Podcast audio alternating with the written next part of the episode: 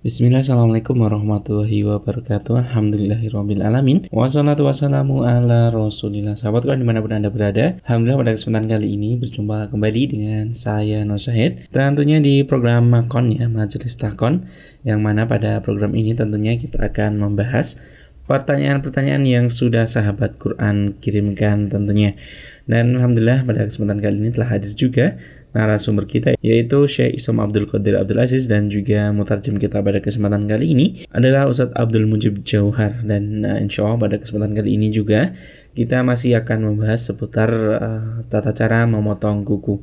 Dan kebetulan langsung saja mungkin kita serahkan waktu secukupnya kepada beliau berdua untuk uh, melanjutkan pembahasan tafadhol Ustaz Bismillahirrahmanirrahim. Assalamualaikum warahmatullahi wabarakatuh إن الحمد لله نحمده ونستعينه ونستهديه ونعوذ بالله من شرور أنفسنا من سيئات أعمالنا. من يهده الله فلا مدل له ومن يدلل فلا هادي له. أشهد أن لا إله إلا الله وحده لا شريك له أحمده سبحانه وتعالى لا نعبد غيره. أشهد أن محمدا عبده ورسوله. اللهم صل وسلم وبارك على حبيبك ورسولك سيدنا ومولانا محمد وعلى آله وصحبه أجمعين صلاة وسلاما كاملين دائمين إلى يوم الدين إلى يوم النشور أما بعد Para pendengar Radio Ishkarimah sekalian yang berbahagia, Alhamdulillah kembali berjumpa bersama kami dalam Majlis Taqwan bersama dengan Syekh Abdul Qadir Abdul Aziz sebagai narasumber dan saya Abdul Majib Johar sebagai penerjemah. Masih melanjutkan pada pembahasan dari pertanyaan yang sebelumnya tentang tata cara memotong kukunya. Baik untuk mempersingkat waktu, uh, waktu saya serahkan kepada beliau Syekh Abdul Qadir Abdul Aziz. Ya. فما زلنا نتكلم في السؤال السابق يعني عن كيفية تقليم الأظافر على النحو الذي أمره الشارع جزاكم الله خيرا على حسن الجواب بسم الله الرحمن الرحيم السلام عليكم ورحمة الله وبركاته بسم الله الرحمن الرحيم. الحمد لله رب العالمين والصلاة والسلام على أشرف الخلق وأطهرهم وأزكاهم محمد بن عبد الله صلى الله عليه وسلم. الرحمة المهداة والنعمة المسداة والسراج المنير البشير النذير. اللهم أحينا على سنته وأمتنا على ملته وارزقنا شفاعته وارفقنا صحبته في الفردوس الأعلى. ومتعنا بلذة النظر إلى وجهك الكريم. اللهم آمين يا رب العالمين. اللهم سلمني وسلم مني اللهم سلمني وسلم مني اللهم سلمني وسلم مني أما بعد.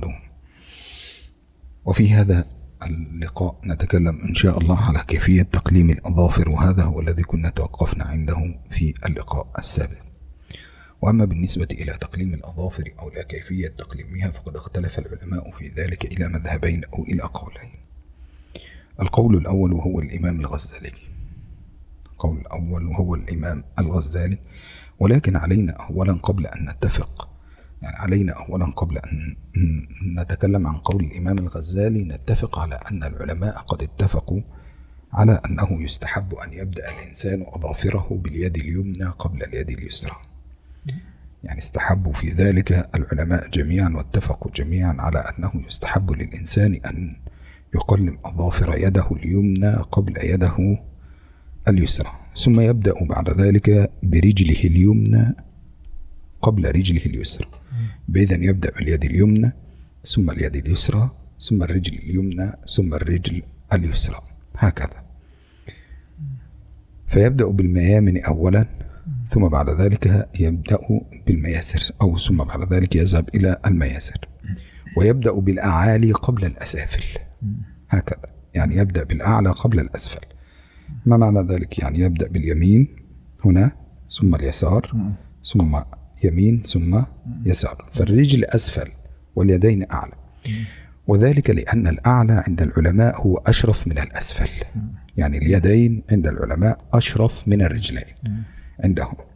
طيب وبناء على ذلك فقد قالوا بأن اليد اليمنى يبدأ بها أولا ثم اليد اليسرى وذلك لحديث النبي صلى الله عليه وسلم الذي جاء عن عائشة رضي الله عنها. كان رسول الله صلى الله عليه وسلم يحب التيامن في ترجله وتفعله يحب التيامن في ترجله وتفعله وفي كل شيء. يحب التيامن في ترجله وتفعله وفي كل شيء. كان النبي صلى الله عليه وسلم يحب أن يتيمم في كل شيء. في ترجله الترجل وهو تمشيط الشعر. يعني يترجل الترجل هو تمشيط الشعر. يعني حينما نقول رجل شعره أي مشطه هكذا. والتفاعل التفاعل هذا في كل أفعاله في كل أفعاله صلى الله عليه وسلم التي يفعلها. مثال ذلك المشي مثال ذلك لبس الحذاء مثال ذلك هذه الأشياء. وفي كل شيء هذا يدل على أن كل شيء يدخل في العموم يعني يدخل في عموم. هذا كل تفيد العموم وشيء جاءت زيادة عليها للتأكيد هكذا. فبالتالي وفي كل شيء يعني يدل على أن النبي صلى الله عليه وسلم كان يحب أن يتيامن في كل شيء في أفعاله وفي ترجله أي في تمشيطه حتى تمشيطه لشعره صلى الله عليه وسلم كان الرسول صلى الله عليه وسلم يبدأ باليمين. ولهذا فهم متفقون جميعا على أنه يبدأ باليد اليمنى قبل اليسرى ثم الرجل اليمنى ثم اليسرى اتباعا لما جاء عن النبي صلى الله عليه وسلم. Uh, baik, sekarang kita akan masuk kepada inti permasalahan yang ditanyakan yaitu tentang bagaimana tata cara memotong kuku sesuai dengan apa yang diajarkan oleh Rasulullah Sallallahu Alaihi Wasallam. Pendapat yang pertama adalah dari Imam Ghazali. Ya. Sebelum kita menyampaikan perkataan Imam Al Ghazali, kita akan sampaikan dulu ya, tentang kesepakatan ulama. Ya, ulama sepakat bahwasanya dianjurkan ya, bagi orang, dianjurkan bagi kita untuk memulai dari yang sebelah kanan. Dari memulai dari tangan sebelah kanan, ya, kemudian setelah selesai tangan sebelah kanan, baru tangan sebelah kiri. Kemudian setelah itu kaki kanan, ya, kemudian setelah selesai kaki kanan, baru mulai kaki kiri. Ya, jadi mulai dari yang paling tinggi dulu, kemudian mulai uh, kemudian setelah itu yang bawah yaitu kaki. Kenapa mulai dari yang paling tinggi dulu? Karena yang tinggi ini adalah yang lebih mulia. Kemudian tentang memulai dari yang kanan ini berdasarkan hadis dari Aisyah radhiyallahu anha ya, beliau mengatakan kana Rasulullah sallallahu alaihi wasallam yuhibbu tayamuna fi tarajjulihi wa tafa'ulihi wa fi kulli syai'in. Dari Aisyah radhiyallahu anha bahwasanya Rasulullah sallallahu alaihi wasallam itu menyukai ya, tayamun. Tayamun itu memulai dari yang kanan dulu. Fi tarajjulihi ketika menyisir rambutnya ya. Ketika menyisir rambutnya itu memulai dari kanan yang dulu. Wa tafa'ulihi dan kemudian dalam setiap pekerjaannya. Wa fi kulli syai'in. Kulli syai'in. Dan dalam setiap pekerjaan dalam setiap apa pun Rasulullah sallallahu alaihi wasallam itu memulai dari yang kanan ya. Jadi tafa'ulihi itu dalam setiap pekerjaan Rasulullah itu memulai dari yang kanan. Kemudian di ini kan lagi ditekankan lagi wa fi kulli syai'in bahkan dalam segala sesuatu ya.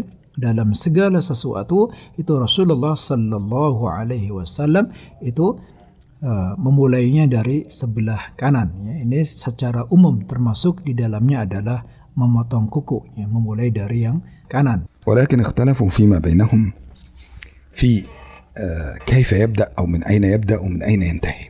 فقال الإمام الغزالي يبدأ أولا بالمسبحة. يبدأ يعني الإمام الغزالي في المذهب الأول يبدأ بالمسبحة. ما معنى المسبحة؟ التي يسبح بها في الصلاة أي التي يشهد بها أن لا إله إلا الله تسمى السبابة. يترك الإبهام يترك هذا الإبهام نهائيا لا يقصه خلاص عند الإمام الغزالي ويبدأ بالمسبحة التي هي تسمى عندنا السبابة. والمسبحة سميت المسبحة لأن الإنسان يسبح بها في الصلاة يخفضها ويرفعها ويشهد بها أن لا إله إلا الله في صلاته. فيبدأ بالمسبحة أولا ثم بعد ذلك الذي يليها ثم الذي يليها حتى يصل إلى الخنصر نعم ثم ينتقل إلى إبهام اليسرى. إذا بالتالي هو ترك ماذا؟ ها ترك إبهام اليمنى. يبقى إذا يترك إبهام اليمنى يبدأ بالمسبحة. يقص الأول مسبحة ثم السبابة الوسطى خلاص ينتقل إلى الوسطى ثم إلى البنصر ثم إلى الخنصر خنصر هكذا. ثم إذا وصل إلى الخنصر هنا انتقل إلى اليد اليسرى. فيبدأ بالخنصر على العكس. هكذا يبدأ بالخنصر حتى يكون باتجاه اليمين. يبدأ بالخنصر ثم البنصر ثم الوسطى ثم السبابة. ثم الإبهام ثم يعود إلى اليمنى مرة ثانية فيقص إيه؟ إبهامه. هذا ما قاله الإمام الغزالي. فإذا الرأي الأول وهو رأي الإمام الغزالي يترك الإبهام أولا في اليد اليمنى يبدأ بالمسبحة ثم الوسطى ثم البنصر ثم الخنصر ثم بعد ذلك ينتقل إلى اليد اليسرى فيأخذ الخنصر والبنصر والوسطى والسبابة والإبهام ثم يعود مرة ثانية إلى اليد اليمنى فيأخذ الإيه؟ إبهام اليمنى وهذا هو المذهب الأول Ya, tadi kesepakatan para ulama yaitu memulai dari tangan yang kanan, kemudian tangan yang kiri, kemudian kaki yang kanan, kemudian kaki yang kiri. Uh, setelah itu ada perbedaan pendapat tentang bagaimana memulai dari jari yang mana, ya, memulai dari jari tangan yang mana. Menurut Imam Al Ghazali, ya, dimulai dari uh, ibu dari telunjuk, ya, dari jari telunjuk. Ya, jari telunjuk adalah jari yang kita telunjukkan ketika kita dalam keadaan tahiyat. Ya. Jadi mulai dari tangan kanan, tangan kanan ini dimulai dari jari telunjuk, ya. kemudian terus selanjutnya sampai kelingking. Setelah itu setelah selesai jari kelingking, kemudian pindah ke tangan kiri, ya, dimulai dari uh, kelingking. Ya. Ya. Mulai dari jari kelingking ya. ya, jari manis, kemudian selanjutnya kemudian sampai ke uh, ibu jari ya, ibu jari. Kemudian setelah itu setelah selesai uh, kaki, tangan kanan, tangan kiri, maaf setelah setelah saya tangan kan, tangan kiri kita kembali ke tangan kanan yaitu ibu jari. Jadi ibu jari sebelah kanan ini paling di paling akhir kan. Inilah مراد pendapat إمام الغزالي والحقيقة أن الغزالي في هذا الأمر لا يعرف يعني لا يعرف لماذا قال الغزالي بهذه الطريقة يعني لا العلماء يقولون أن هذا الأمر أصلا يعني لماذا يبدأ باليد اليمنى ثم بعد ذلك يترك إصبع منها ثم يذهب إلى اليسرى ثم يعود إلى اليمنى مرة ثانية. طبعا هذا قالوا هذا لا أصل له ولا دليل عليه لكن الغزالي قال هذا الكلام اعتبارا من أنه يبدأ باليمين وينتهي باليمين تبركا باليد الإيه تبركا باليد اليمنى لأن آه كما جاء عن النبي صلى الله عليه وسلم ابدأوا بما بدأ الله به. ابدأوا بما بدأ الله به والله عز وجل قد بدأ باليمين فدائما في القرآن تجد أصحاب اليمين مع أصحاب اليمين. فالله سبحانه وتعالى دائما ما يبدأ باليمين أولا ثم بعد ذلك يقول أصحاب الشمال مع أصحاب الشمال. كذلك من السنة عند العلماء أنه يبدأ بالميامن قبل المياسر والأسافل والأعالي قبل الأسافل. وبالتالي هنا بدأ باليمين خلاص لكن اختلفوا يعني قالوا لماذا بدأ السبب؟ فقال حتى أن الغزالي يبدأ بالمسبحة حتى ينال البركة يعني. حتى يأخذ البركة. يعني قال الإمام الغزالي أنه يبدأ بالمسبحة التي يشهد بها أن لا إله إلا الله وأن محمد رسول الله لأن هذه هي الأساس لأن هذه هي التي يشهد بها هي التي يسبح بها هي التي يستعين بها على الله عز وجل على عبادة الله سبحانه وتعالى وبالتالي تكون المسبحة هي بداية الأمر. فيكون جمع بين أمرين بين اليد اليمنى وبركة اليد اليمنى كذلك جمع بين بركة التسبيح. ولما تركها الغزالي يعني لما ترك الغزالي الإبهام. خلاص؟ يعني الغزالي ترك الإبهام في الأول فكان لا يريد أن يعود إليه مرة ثانية. فقال يبدأ يأخذ الأصابع ثم ينتقل إليه وينتهي باليمين حتى تكون الأظافر أو تشمل البركة كلها. كيف أستاذ عبد المجيب؟ هكذا. كأنها هكذا خلاص؟ حتى تشتمل على البركة كلها. يبدأ من هنا من هنا يبدأ باليمين. خلاص بدأ بالمسبحة التي تسبح الله تناله البركة. وبدأ باليمين. خلاص؟ أخذ هذا كله ثم رجع. فأخذ هذا كله خلاص؟ ثم رجع إلى ماذا؟ إلى اليمين مرة ثانية. فتكون اليد اليسرى هنا بين طرفي اليمين. بين طرفي اليمين. يمين هنا ويمين هنا. فالبركة بدأت من هنا وانتهت هنا وبينها اليد اليمنى فتكون اليد اليسرى بين إيه؟ بين بركتين بركة التسبيح والبدء باليمين وبين بركة الانتهاء باليمين فيصيب الإنسان البركة في هذا الأمر وبالتالي كان هذا نظر الإمام الغزالي إلى هذا القول Uh, para ulama merasa heran kenapa Imam Al Ghazali mengatakan demikian ya? Tidak apa ke mana dasar dalilnya? Ya dasar dalil dan dasar uh, petunjuknya mana? Ya tapi semata-mata ini adalah istihad dari Imam Al-Ghazali saja ya dari pandangan dari Imam Al-Ghazali saja. Yang pertama adalah memulai dari tangan kanan, kemudian tangan kanan ini dimulai dari jari telunjuk. Jari telunjuk inilah yang kita pakai ketika kita tasyahud dalam sholat. Ya. Jadi tabarruk yang pertama adalah tabarruk dengan tangan kanan, kemudian yang kedua tabarruk dengan uh, jari telunjuk ya. Jadi dua dua tabarruk ini tabarruk dengan kanan, tangan kanan dengan tabarruk dengan jari telunjuk ya. Kemudian selanjutnya setelah uh, jari telunjuk di jari selanjutnya yaitu jari tengah, kemudian jari uh, selanjutnya kemudian terakhir jari jari kelingking ya. Jadi jari telunjuk, kemudian jari tengah, jari manis, dan jari kelingking. Ya. Kemudian setelah selesai jari kelingking, tangan kanan uh, kita pindah ke tangan kiri. Ya. Tangan kiri mulai dari jari kelingking, ya. mulai dari jari kelingking, kemudian jari manis, kemudian jari tengah, kemudian uh, jari telunjuk, ya, dan kemudian uh, ibu jari, ibu jari uh, tangan kiri, dan kemudian kita pindah lagi ke tangan kanan yaitu ibu jari ya dari ibu jari. Kenapa demikian? Ini tujuannya agar kita mendapatkan uh, dua berkah. Yang pertama yaitu berkah jari telunjuk dan kemudian berkah mulai dari yang kanan ya.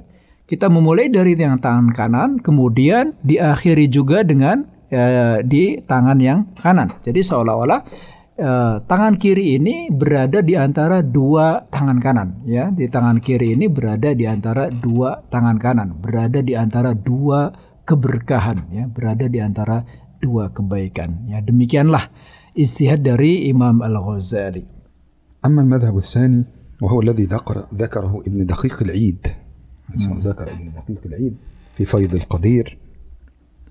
كما ذكر الإمام المناوي في فهد القدير عن ابن دقيق العيد فقال هو يبدأ باليمنى.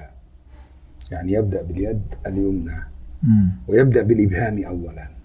يعني يبدأ بالإبهام أولا. يبدأ بهذا أولا. إبهام ثم المسبحة. الإبهام السبابة الوسطى البنصر الخنصر ثم ينتقل إلى هذه اليد إلى اليد اليسرى. فيبدأ بالخنصر والبنصر الوسطى السبابة والإبهام. الواضح. إذا سيبدأ من هنا هذا المذهب ثم ينتهي هنا. وهذا الذي عليه كثير من العلماء أو هذا الذي عليه أغلب العلماء أنه يبدأ باليد اليمنى يبدأ باليد اليمنى لكن يبدأ من الإبهام أولا ثم بعد ذلك ينتقل إلى اليد اليمنى ثم بعد ذلك يأخذ اليد اليسرى من الخنصر إلى الإيه؟ إلى اليد اليمنى. هذا بالنسبة إلى ما جاء في المذهب الثاني وقالوا لا نحن لا نجد يعني نحن لا نجد دليلا على قول الإمام الغزالي. لكن الإمام الغزالي كما قلت لك كان يريد أن يتحصل على البركة. يعني الإمام الغزالي كان يريد أن يتحصل على البركة في هذا الأمر وبالتالي آه هذا ما جاء عن الإمام الغزالي. أما المذهب الثاني فيبدأ يقص اليمين أولا ثم يقص اليسار أولا. ثم يقص الرجل اليمنى ويبدأ بالخنصر أولا. الخنصر اليمنى أولا يعني بالإصبع الأصغر وينتهي بالأكبر وفي الرجل هذه يبدأ بالأكبر وينتهي بالإيه؟ بالأصغر. يبقى إذا على العكس اليمنى يبدأ من الخنصر إلى آه الإبهام واليسرى يبدأ من الإبهام إلى إلى الخنصر هكذا. المذهب الثاني هذا قول ابن دقيق العيد ابن دقيق العيد نعم ذكره الإمام المناوي في كتاب فيض فيض القدير طيب نعم Kemudian mazhab yang kedua yaitu pendapat Ibnu Daqiq ya, Ibnu Daqiq Ibnu Daqiq Al-Aid ya, Ibnu Daqiq Al-Aid ya sebagaimana disebutkan oleh Imam An-Nawawi dalam kitabnya Faidul Qadir ya bahwasanya tata cara memotong jari itu mau dimulai dari tangan yang kanan ya dari mulai dari tangan yang kanan yang pertama adalah dimulai dari uh, al-ibham ya, tangan al-ibham. Nah, yang pertama dari ibu jari, ya ibu jari kemudian terus jari telunjuk, kemudian uh, jari manis, kemudian uh, jari kelingking ya. Sampai selesai semua dan kemudian tangan kiri ya, tangan kiri mulai dari uh, ya aliyad al-yusra yabda min huna. Al-yusra al-yusra al-yad al-yusra ya, min al-khinsar. Nah, nah. Ya, kemudian tangan yang kiri dimulai dari jari manis ya. Dia jari kelingking, maaf. Dimulai dari jari kelingking sampai kemudian sampai selesai semua sampai ke ibu jari ya. Sampai ke sampai selesai ke ibu jari. Sekali lagi tangan tangan kiri itu dimulai dari kelingking ya kemudian jari manis kemudian jari tengah kemudian jari telunjuk kemudian sampai ke ibu jari. Ya kemudian kaki sebelah kanan dimulai dari jari yang paling kecil yaitu jari kelingking ya jari yang kelingking. Dimulai dari jari yang kelingking sampai kemudian selesai di ibu jari ya.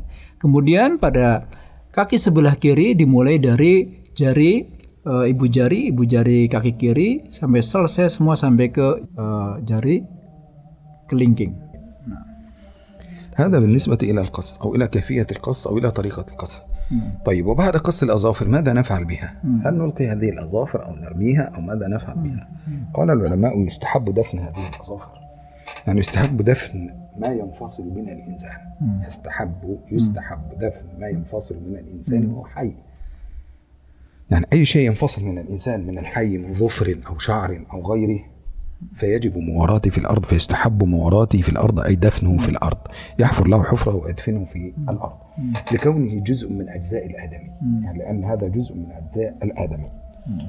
ولأن الآدمي محترم. لأن الله عز وجل قال ولقد كرمنا بني آدم. وجزء هذا يعني يعني حرمة. يعني لجزئه هذا حرمة. وبالتالي فلا يمكن أن يترك هكذا. و يدل على ذلك أو استدلوا على هذا القول بقولهم قال الله سبحانه وتعالى ألم نجعل الأرض كفاة أحياء وأمواتا. ألم نجعل الأرض كفاة أحياء وأمواتا. فقالوا جاء عن نافع عن ابن عمر رضي الله عنه مرفوعا ادفنوا الأظافر. ادفنوا الأظافر والشعر والدم. قال النبي صلى الله عليه وسلم والحديث مرفوع عن ابن عمر رضي الله عنه أنه قال ادفنوا الأظفار والشعر والدم فإنها ميتة. ادفنوا الأظفار والشعر والدم فإنها ميتة. يبقى إذا هنا قالوا يستحب أن يدفن الأظفار والشعر والدم فإنها نوع من أنواع الميتة وهي من الإنسان وميتة الآدمي محترمة. فلا ترمى ولا تلقى ولا أي شيء من هذه الأشياء. وكذلك استدلوا بحديث جاء عن وائل بن حجر رضي الله عنه أنه صلى الله عليه وسلم كان يأمر بدفن الشعر والأظافر. يعني وائل بن حجر يقول كان رسول الله صلى الله عليه وسلم يأمر بدفن الشعر والأظافر. كذلك في حديث عن السيدة عائشة رضي الله عنها كان النبي صلى الله عليه وسلم يأمر بدفن سبعة أشياء من الإنسان. كان النبي صلى الله عليه وسلم يأمر بدفن سبعة أشياء من الإنسان. سبعة أشياء في الإنسان يدفن. ما هي السبعة أشياء هذه؟ واحد الشعر. اثنين الظفر. ثلاثة الدم. الدم الذي يخرج من الحجامة الدم الذي يخرج من الفصد هذا الدم. الدم والحيضة. وطبعا يقاس على الحيضة النفاس. خلاص؟ إذا الحيضة والسن. السن يعني أسنان الإنسان التي تخرج منها. والعلقة يعني السقط من الحمل هكذا. الذي يسقط وهو ما زال صغيرا والمشيمة. المشيمة التي تكون حول حول المولود حينما يولد الشيء الذي يوجد حول هذه الأشياء. اذا النبي صلى الله عليه وسلم كان يأمر بسبعة أشياء كما أن يدفنوا كما جاء في حديث عائشة رضي الله عنها أنها قالت يامر كان الرسول صلى الله عليه وسلم يأمر بدفن سبعة أشياء من الانسان الشعر والظفر والدم والحيضة والسن والعلقة والمشيمة. لماذا يأمر النبي صلى الله عليه وسلم بدفن هذه الأشياء؟ جاء ذلك واضحا في في حديث آخر عن النبي صلى الله عليه وسلم عن عائشة. قالت عائشة رضي الله عنها ادفنوا دماءكم. عن عائشة رضي الله عنها رسول الله صلى الله عليه وسلم قال ادفنوا دماءكم وأشعاركم. ادفنوا دماءكم وأشعاركم وأظفاركم حتى لا يتلاعب بها السحرة. حتى لا تلعب بها السحرة أو في رواية لا يتلاعب بها السحرة حتى لا تلعب بها السحرة. ادفنوا. ادفنوا دماءكم وأشعاركم وأظفاركم حتى لا تلعب بها الصحراء. وبهذا تكون السيدة عائشة قد وضحت السبب في دفن هذه الأشياء. طيب ما معنى هذا الكلام؟ يعني هل مثلا آه إذا لم يدفنها الإنسان هذا حرام؟ لا. قالوا عكس الاستحباب الكراهة. يكون هذا الأمر مكروه. يعني آه، لا يستحب أن ترمى في الحمام لا يستحب أن ترمى في المزبلة لا يستحب أن ترمى في هذه الأشياء.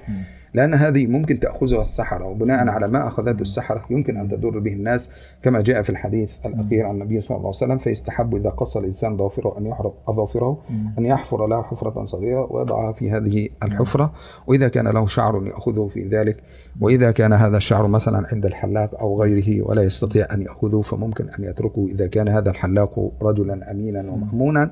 أما إذا لم يكن أمينا فلا يترك شعره عند هذا لأنه ممكن أن يضره. بالتلاعب عند الصحراء قبل الترجمة هذا أريد سؤالا سبعة أشياء يعني منها الحيضة. الحيضة هذا كان على السواء مع الدم يا سيد. الحيض الحيض للمرأة. حيض المرأة الحيض على السواء مع النفاس. مم. يعني بقياسها مع النفاس أيضا يعني الحيض الدم الذي ينزل من المرأة. خلاص؟ هي ممكن تضع خرقة أو تضع شيء. إذا جاء الدم على هذه الخرقة فعلى هذه الخرقة أن تدفنها أو تغسلها بغسلا بس بحيث أن الدم هذا لا إيه لا تترك هذا الدم أو تلقيه في المزبلة أو في أي شيء لأن هذا إذا أخذته السحرة حقيقة سيؤذون هذه المرأة ايذاء شديدا. آه. ولذلك السيدة عائشة رضي الله عنها يعني وضحت ذلك في حديثها الأخير حتى لا تلعب بها السحرة. نعم طيب نعم جزاك الله. سبحانه وتعالى اعلى واعلم Taib. Ya, kemudian apa yang kita kerjakan setelah kuku ini kita potong ya. Kuku ini dianjurkan kepada kita untuk ditanam yaitu untuk di eh, dikubur ya. Kuku ini di eh, dipendam ya, dipendam ke dalam tanah ya. Ini berdasarkan firman Allah Subhanahu wa taala, "Alam naj'alil arda kifata." Alam naj'alil arda kifata dan bukankah telah kami jadikan bumi ini sebagai kifata? Kifata ini tempat untuk memendam ya, tempat memendam eh, jasad manusia. Jadi tidak dibiarkan begitu saja. Tidak kita buang sembarangan tapi kita kumpulkan ya, kemudian kita tanam ya, kemudian kita pendam ke dalam tanah ya. Sebagaimana diriwayatkan dari hadis dari Ibnu Umar ya hadis ini marfu ya. Idfinu al azafir wasya'r waddam ya fa innaha fa innaha al maitah ya, idfinu al azafir wasya'ra waddam fa innaha al maitah kuburkanlah ya pendamkanlah kuku-kuku kemudian rambut kemudian darah fa innahal maitah karena sungguhnya kuku rambut dan darah itu adalah juga bagian dari uh, jenazah ya bagian dari mayat dari mayat manusia. Kemudian menurut uh, ber, dari Ibnu Hajar dari Ibnu Hajar al Asqalani Ibnu mengatakan bahwasanya Rasulullah Sallallahu Alaihi Wasallam memerintahkan kita untuk memendam kuku rambut dan darah ya. Kemudian dari hadis dari Aisyah radhiyallahu anha ya ada tujuh hal, ada tujuh hal yang diperintahkan untuk dipendam. Ya, Rasulullah Sallallahu Alaihi Wasallam memerintahkan kita untuk memendam, untuk mengkuburkan tujuh hal. Yang pertama adalah rambut, kemudian yang kedua adalah kuku, yang ketiga adalah darah, yang keempat adalah haid, ya, kemudian yang kelima adalah gigi, yang keenam itu uh, alaqah, alaqah itu janin, ya, janin yang keguguran itu, janin yang keguguran itu dipendam. Kemudian yang ketujuh itu uh, plasenta. Ya plasenta itu bahasa Jawanya Pak ari-ari ya Mas ya ari-ari ya plasenta ya. Jadi tidak kita biarkan begitu saja itu ya. Jadi saya ulangi lagi ada tujuh hal yang diperintahkan untuk dikubur berdasarkan hadis dari Aisyah radhiyallahu anha yaitu rambut kuku darah haid ya. Jadi haid ini orang seorang wanita yang haid ya dikiaskan atas haid ini uh, nifas darah nifas ya jadi sisa-sisa, sisa-sisa uh, pembalut bekas haid, bekas nifas ini jangan dibuang, jangan dibuang begitu saja. Ya, paling tidak dicuci, ya dibersihkan darahnya atau kalau tidak ya di, dikuburkan gitu, ya dikuburkan. Dan kemudian gigi, ya gigi yang tanggal, gigi yang copot jangan dibuang begitu saja. Kemudian uh, janin, janin yang keguguran dan kemudian ari-ari. Ya. Kemudian juga dari hadis dari Aisyah radhiyallahu anha bahwasanya Rasulullah sallallahu alaihi wasallam bersabda idfinu dima'akum wa ash'arukum wa azfarukum hatta la tala'ab biha as-saharah ya. Kuburkanlah darah kalian dan rambut kalian dan kuku-kuku kalian agar tidak dijadikan bahan permainan oleh tukang sihirnya. Ini jadi gawatnya gawatnya barang-barang ini jika tidak dikuburkan, jika tidak diamankan, ini bisa dijadikan objek permainan para pelaku sihirnya. Bagaimana hukumnya? Hukumnya menguburkan tujuh hal ini apakah wajib? Ya, tidak wajib tapi ini ya, istihbab ya yang dianjurkan ya sunnah ya maka kebalikannya adalah makruh ya sehingga agar kita agar tidak menimbulkan bahaya kepada kita yaitu jika hal-hal tersebut dibiarkan begitu saja rambut kuku apa dan lain sebagainya itu itu akan bisa membahayakan kita karena bisa dijadikan objek permainan orang-orang yang tidak bertanggung jawab. Ya, di antaranya adalah tukang sihir.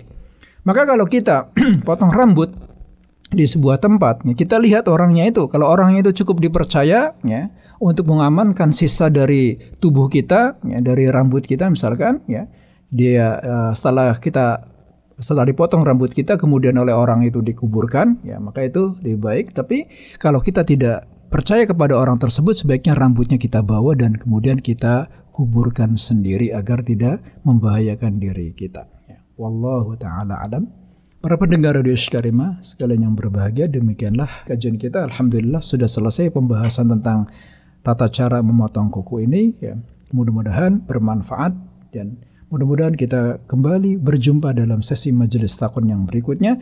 Jazakumullah khairan atas perhatiannya. Assalamualaikum warahmatullahi wabarakatuh. Waalaikumsalam warahmatullahi wabarakatuh. Ya, sebenarnya demikian tadi telah kita tuntaskan ya seputar uh, tata cara memotong kuku yang uh, mana telah disampaikan ya secara gamblang oleh Syekh Som Abdul Qadir Abdul Aziz dan saudara kami ucapkan juga jazakumullah khair kepada penanya yang telah mengirimkan pertanyaannya kepada kami dan insya Allah bagi sahabat Quran semua yang ingin bertanya, tentunya kami persilahkan juga dan uh, sesuai urutannya akan kita bahas insya Allah. Dan sahabat kita tutup perjumpaan kita pada kesempatan kali ini dengan hamdalah dan doa kafaratul majelis. Alhamdulillahirabbil alamin. Subhanakallahumma wa bihamdika asyhadu alla ilaha illa anta astaghfiruka wa atubu. Wassalamualaikum warahmatullahi wabarakatuh.